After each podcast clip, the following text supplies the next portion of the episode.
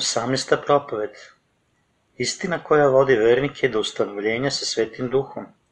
Isus Navin 4.23 Jer gospod Bog vaš osuši Jordan pred vama dokle pređaste, kao što je učinio gospod Bog vaš kod Crvenog mora, osušivši ga pred nama dokle pređasmo.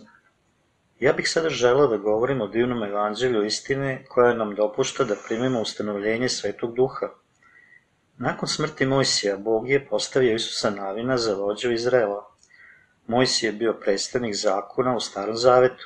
Da je Mojsije prešao reku Jordan sa narodom Izraela i stigao u Kanan, ne bi bilo potrebno da Isus Navin postane vođa naroda. Međutim, Bog je zaustavio Mojsija nedaleko, baš ispred zemlje Kanan i zabranio mu da uđe u nju. Naš gospod nam je dao Mojsija i Isusa Navina. Mojsije je predstavnik zakona u Starom Zavetu, nije mogo da uvede ljude Izrela u Kanan. Da je učinio tako, vodeći se po zakonu, učinio bi suprotnu Božijem planu za naše spasenje. Niko ne može biti slobodan od svojih grehova pred zakonom Božijim, jer niko ne može da održi zakon. Zato što je zakon jedino radi spoznanja greha. Rimljanima 3.20 Razlog zašto je Bog dao čoveku zakon je da bi mu dao spoznaju greha, da bi učinio zakon učiteljem, vodio ga do Hristosa i da bi mogao da se opravda verom. Galatima 3.24 Od tuda zakon nije ništa više od upustva za pronalaženje Isusa. Ljudima je potreban Isus i zato je Isus trebalo da dođe u ovaj svet. Zato je Bog odredio Isusa Navina da narod Izraela prevede preko reke Jordana i uđe u zemlju Kanan. Bog ih je poveo da uđu u zemlju Kanan sa svojim novim vođom Isusom Navinom, nakon smrti Mojsija. Isus Navin je zapovedio o narodnim upraviteljima rekaši, prođete kroz logor i zapovedite narodu govoreći, spremite sebi pogače, jer ćete za tri dana preći preko Jordana, pa uđite i uzmite zemlju koju vam gospod Bog vaš daje u nasledstvo Isus Navin 1.11 Bog je odredio Isusa Navina da uđe u Kanan nakon što je to dokazao mogućim preko Mojsija. Bog je zapovedio Isusu u Navinu, rekavši, Zato ti zapovedi sveštenicima koji nose koček zavetni i reci, kad dođete kraj vode Jordana, stanite u Jordanu i reče Isus sinovima Izraeljevim, pristupite ovamo i čujte reči gospoda Boga svog Potom reče Isus, po ovom ćete poznati da je Bog živi posred nas i da će zaista odagnati ispred nas Hananeje i Heteje i Jeveje i Ferezeje i Gerveseje i Jevuseje. Isus Navin 3, 8 do 10. Nakon Mojsijeve smrti, Bog je postavio Isusa Navina za vođu Izrela i odredio mu da uđe u zemlju Kanan sa narodom Izrela. Ime Isus znači spasitelj sinonim sa Isus ili Hosea, sluga Boži. Isus Navin je vodio narod i odredio je sveštenike koji će nositi koček sa zavetom pri prelasku reke Jordan. Kad su sveštenici nosili kovček, smočili su svoja stopila u vodu, jer Jordan plavi iz prudove u vreme žetve. Voda koja dolazi uzvodno ostajala bi dalje i bila je veoma daleko od Adama, grada koji je pokraj Zaretana, Tako da je voda išla dole u more Arabije, slano more, i bila je otekla i ljudi su mogli da pređu preko naspram Jerihona. Isus Navin 3, 15 do 16. Kroz ovaj događaj Bog nas uči da je On potpuno eliminisao smrt prouzrokovanu grehom i kasnije osudom čovečanstva. Drugim rečima, Isus Hristos, naš spasitelj, odno je sve grehe čovečanstva kad je bio kršten od Jovana, krstitelja i raspet. Na ovaj način on je spasao čovečanstvo od njegovog greha, vodeći ga u zemlju Kana, koja postoji radi carstva nebeskog. Reka Jordan je mesto gde je čovečanstvo bilo očišćeno. Istorijski događaji koji zaokružuju prelazak reke Jordan zapisani su u Starom i Novom Zavetu, što je od ogromne važnosti za događaje koji će dovesti do konačnih spasenja od prokledstva i osude nastale od ljudskog greha. Reka Jordan nam ukazuje na reku smrti i krajnja tačka reke je mrtvo more.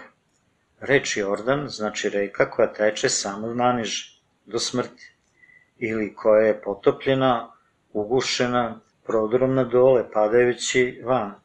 Ovo jasno kazuje na istoriju ljudskih grehova. U ovoj reci Isus kroz svoje krštenje prima sve tekuće grehe koje ne može prekinuti ni jedno ljudsko biće i kasnije umire na krstu i time prihvata osudu umesto ljudi za njihove grehe. Gde smo mi, potomci Adama i Eve? Zašto smo naslovljeni? Otkada su ova stvorenja rođenja sa grehom, ona čine grehove i kao plata za svoje grehe oni marširaju do smrti. Kroz čitavu istoriju čovečanstva, sva stvorenja su naslovljena za uništenje od svog rođenja. Čak i ako oni uporno pokušavaju da kontrolišu svoju grešnu prirodu, oni to ne mogu i zato oni dolaze do konačne osude za svoje grehe. Međutim, Bog je odsekao greh i osudu. Bog vodi Isusa Navina, koji je poveo narod Izraela u zemlju Kanan, prelazom preko reke Jordan. To je bila Božja volja sa Isus Navinom.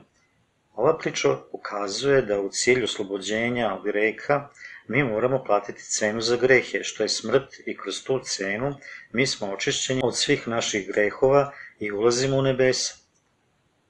U starom zavetu tok reke je bio zaustavljen i došlo je do promene u zemljino tlo, gde su sveštenici koje nose kovčeg sa zavetom smočili svoja stopala u vodi. Ovo je dopušteno narodu Izraela da pređe reku. To je bilo otpuštanje greha koje je bilo dato samo onima koji su verovali u divno evanđelje. To je bilo evanđelje vode i duha koje je platilo cenu za greh čovečanstva. I mi dolazimo da primimo ustanovljenje svetog duha verom u ovo divno evanđelje. Vojskođa Naman Naman koji se pojavlja u poglavlju 5 iz druge carevima, bio je veliki časni komadant vojske Sirije, koji je spasao svoju zemlju od njenih neprijatelja.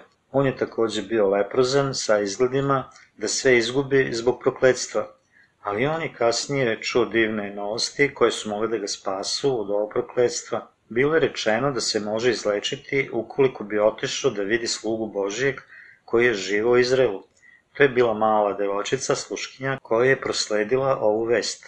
Ona je rekla, ovo da bi moj gospodar otišao proroku u Samari, on bi ga oprostio od gube, druga carevima, 5.3. On je poverovao u ovu vest i otišao u Izrael. Kada je stigao pred kućom Jeliseja, Jelisej mu je poslao čoveka sa porukom, rekaši, idi i okupaj se sedam puta u Jordanu i ozdravit će telo tvoje i očistit ćeš se. Druga kraljevima 5.10. Očekujući čudesni lek, Naman je postao besan i odlučio je da se vrati u svoju zemlju. Međutim, zato što je njegov sluga revnosno zahtevao, on se povinovao Jeliseju i otišao je dole i zaronio je čitao svoje telo sedam puta u Jordan. Tamo njegovo telo je bilo obnovljeno. Postoje šta više nalik koži mladog deteta. Na isti način mi smo došli do saznanja da radi oproštenja od svih naših grehova mi moramo ostaviti naše sobstveno mišljenje i prihvatiti šta je zapisano u Bibliji. Tada će naime biti dat divan blagoslov. Svako ko želi da bude spašen mora da se povinuje Božim rečima i potpuno veruje u njih. Biblija kaže da su svi gresi sveta bili oprni evanđeljem Isusovog krštenja i krvi. Mi ne smemo misliti na isti način kao nepokorni i naman. Mi ne možemo biti očišćeni od naših grehova bez evanđelja vode i duha. Stoga da bi nam bilo oprošteno od svih naših grehova, mi moramo verovati u divno evanđelje vode i duha – baš kao što je Naman postao čist potapajući svoje telo sedam puta u vodu.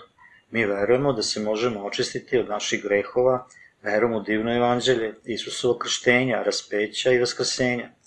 Mi moramo verovati u ovo divno evanđelje kako jeste. Ovo čudo u reci Jordanu se pokazalo svim potomcima Adamovim, sa blagoslovom da presecanjem toka svih grehova prestaje i osuda. Sve ljudsko bilo je izbačeno iz vrta Edenskog, jer su Adam i Eva zgrešili nakon što su iskušani od satane. Međutim, događaj u Jordanu bio je divno evanđelje koje vodi svo čovečanstvo do povratka vrtu Edenu. Događaj na reci Jordan. Biblija beleži divnu vest da je Isus odnao sve grehe u Jordanu.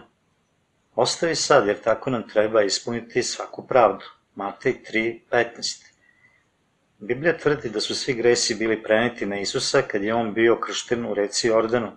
Drugim rečima, Isuo krštenje je bilo događaj koji je presekao okove greha u koje je bačeno svo čovečanstvo. Tako je Isus ukinuo greh i zatim nam ponudio spasenje svojom krvlju na krstu. Jordan je bila reka krštenja koja je očistila sve naše grehe. Nama je mogućno da ispunimo Boži zakon, jer je plata za greh smrt. Rimljanima 6.23 Zato što je Isus platio cenu budući kršten u reci Jordan i umreći na krstu, ovo je divno evanđelje koje je naš gospod dao čovečanstvu. Svi gresi čovečanstva nastavljaju se od Adama, ali su sasvim zaustavljeni sa Isusovim krštenjem u reci Jordan i njegovom krvlju na krstu. Greh nije ostao zahvaljujući Isusovom krštenju. Ovo je blagoslov i divna vest u tome. Mi putem veru u ovo divno evanđelje jesmo spašeni od vrtloga grehova, očišćeni smo od svih naših grehova i postajemo posvećeni u zakonu Božijeg iskupljenja. Kao takvo, Isusovo krštenje i krv na krstu jesu evanđelje koje spašava svo čovečanstvo. Mi treba istinski da verujemo u ovo, a šta god nije po veri, greh je. Rimljanima 14.23. Kaže Gospod. Slično, mi smo blagosloveni samo kada verujemo u ovo divno evanđelje. Da li dalje imate greh u svom srcu odbacujući činjenicu da je sav greh prešao na Isusa kad je on bio kršten od Jovana? Isus je odnos sve grehe sa sveta. Vi treba da prihvatite šta piše u Bibliji. Samo evanđelje Isuo krštenja i njegove krvi na krstu mogu upiti vaš greh i odvratiti vas od smrti i svih ostalih prokledstva. Krštenje znači biti opran, biti potopljen, biti sahranjen, preneti na i biti prenesen. Čitno čovčanstvo može biti oprošteno za njihove grehe verom u divno evanđelje dato Isusom. Zašto je Isus nazvao sebe putem u nebesa? Mi možemo ući u nebesa i imati večni život pomoću vere u njega. On je naš gospod, koji nam je dao ustanovljenje sa svetim duhom. Mi smo izuzeti od svake osude za naše grehove pomoću vere u njegovo krštenje i krv. Proklestvo se završava u reci koja ponire u suvoj zemlji. Tako su sveštenici koji nose kočak sa zavetom smočili svoja stopala u vodu sa verom. To je bilo ono što je Gospod planirao i Isusovo krštenje i njegova krv ispunjavaju ovaj plan. Šta je divno evanđelje? To je zakon spasenja i bez njega bi naše spasenje bilo nemoguće. Oni koji veruju ovo divno evanđelje sada mogu preći reku Jordan i ući u zemlju Kanan. Ova presahla voda u potpunosti znači da su svi gresi sa sveta prenesene na Isusa i da je on bio osuđen radi nas. Ovo je evanđelje koje nam daje ustanovljenje sa svetim duhom. Bog koji je stvorio čovečanstvo zna da je kod prosečne osobe koeficijent inteligencije samo oko 110 do 130 bodova. Stoga on ne može da komplikuje ovo istinu primanja svetog duha. Bog je odneo sve njihove grehove sa Isusovim krštenjem i njegovom krvlju na krstu. On je učinio mogućim da se sveti duh primi verom u evanđelje vode i svetog duha, stoga svako od njih će znati to. Vi ćete takođe shvatiti ustanovljenje sa svetim duhom pomoću vere u ovo divno evanđelje. Saglasno ono što piše u Bibliji, mi ne možemo primiti svetog duha samo molitvom sa pokajanjem. Ljudi misle da je sveti duh nešto što se dobija kada oni prinesu mnogo vernih ponuda, ali to jednostavno nije tačno. Sveti duh se daje onima koji veruju u divno evanđelje i to je neophodno da bi postali Božja deca što će reći ustanovljenje sa svetim duhom je jenstvo da će osoba postati dete Božije. Bog daje svetu duha onima koji veruju u divno evanđelje da bi bili sigurni da su njegova deca. Ako ljudi veruju u Isusa, ali ne znaju ili ne veruju u ovo evanđelje, oni ne mogu imati pouzdanje u činjenicu da su svi njihovi gresi prešli na njega. Stoga, svi ljudi moraju da znaju i veruju da Isuo krštenje i njegova krv na krstu jeste divno evanđelje koje je iscrpilo njihove grehove. Ko svedoči da Isus odnao sve grehe sa sveta? Jovan Krstitelj svedoči da on bude kršten od Jovana i odnese sve grehe sa sveta je sve što je Bog naš Otac planirao. Levitima 4, 13 do 21, 16, 1 do 30. Ko se pobrinuo za njegov plan? Isus se pobrinuo. Ko napokon jamči ispunjenje ovog plana? Sveti duh jamči. Bog u trojstvu potpuno oprašta grehe sa Isusovim krštenjem i njegovom krvlju na krstu, da bi nas učinio svojom decom. Sveti Duh stane u nama i jamči da smo spašeni od svih naših grehova kada je Isus ispunio Božji plan. Baveći se stvarima u ovom svetu, ne dolazili do složene pojave disanja. I kako je zbunjujuće što razmišljamo. Niko ne može verovati u ovo divno evanđelje dok ne odustane od svog sobstvenog mišljenja. Nauka današnjeg hrišćanstva je da mnogi ljudi veruju u to da je izvorni greh propao, ali da li su svakodnevni gresi oprošteni kad neko moli pokajnički? Međutim, to je daleko od potpune istine, to je činjenično lažno evanđelje. Ako vi verujete to, ne možete shvatiti Bibliju od početka do kraja i kako vreme prolazi, vi ćete iskusiti sve više i više poteškoća u sleđenju Isusa. Zato među hrišćanima ima onih koji veruju drugačije evanđelje, u drugačijeg Boga. Neki ljudi kažu da su primili ustanovljenje Svetog Duha pomoću molitve. To izgleda prihvatljivo, ali Biblija tvrdi da se Sveti Duh spustio na Isusa poput goluba prilikom njegovog krštenja i izlaska iz vode. To je istinsko evanđelje i Sveti Duh dolazi na one koji veruju u ovo evanđelje. Kao dodatak, neki ljudi kažu da su primili Svetog Duha prinoseći molite sa pokajanjem. Da li se Sveti Duh daje kad se ljudi jednostavno mole za oproštaj? Bog je pravedan, Sveti Duh ne dolazi samo zato što on ima saželjevanja nad njima. Bez obzira sa koliko napora ljudi plakali ili molili, Sveti Duh ne može doći na njih. On dolazi na one koji veruju da je Bog ispunio svoj plan da ih spase. Vi morate držati na umu da ne možete primiti svetog duha bez obzira koliko dugo vi plakali za Bogom ili koliko dugo se molili.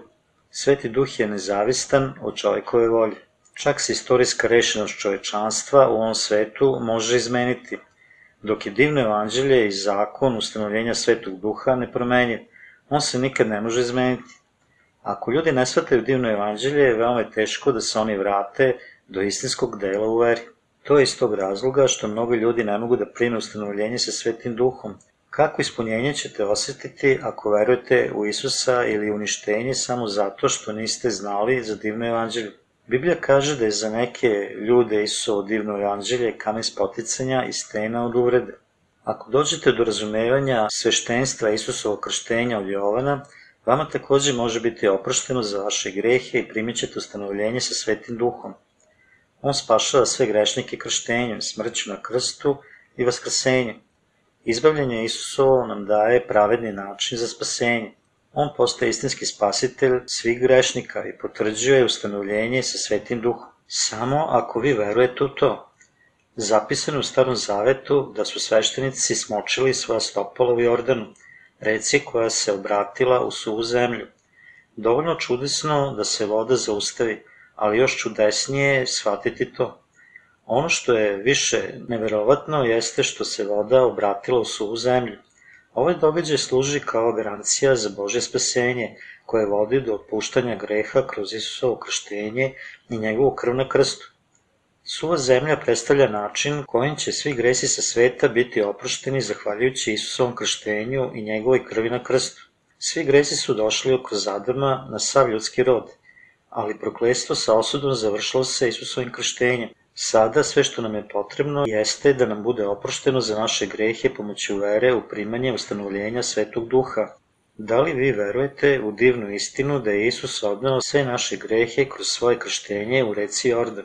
Treba da verujete da je Isus Hristos bio kršten da odnese sve grehe sveta. Kao dodatak vi treba takođe da znate, razumete i verujete koliko je bilo važno njegovo krštenje.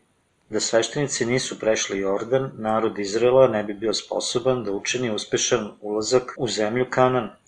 Pre svih, prvi korak za ulazak u Kanan bio je prelazak reke Jordan. Stoga samo kad mi pređemo reku sa kovčegom zaveta možemo ući u zemlju Kanan.